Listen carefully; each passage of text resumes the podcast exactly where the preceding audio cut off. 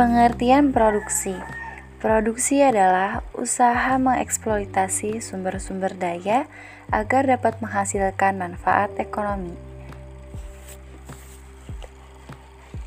Dalam bukunya, Abdurrahman Yusro Ahmad mengatakan, dalam melakukan proses produksi, yang dijadikan ukuran utamanya adalah nilai manfaat atau utility yang diambil dari hasil produksi dalam pandangannya harus mengacu pada nilai utility dan masih dalam bingkau nilai halal serta tidak membahayakan bagi diri seorang ataupun sekelompok masyarakat.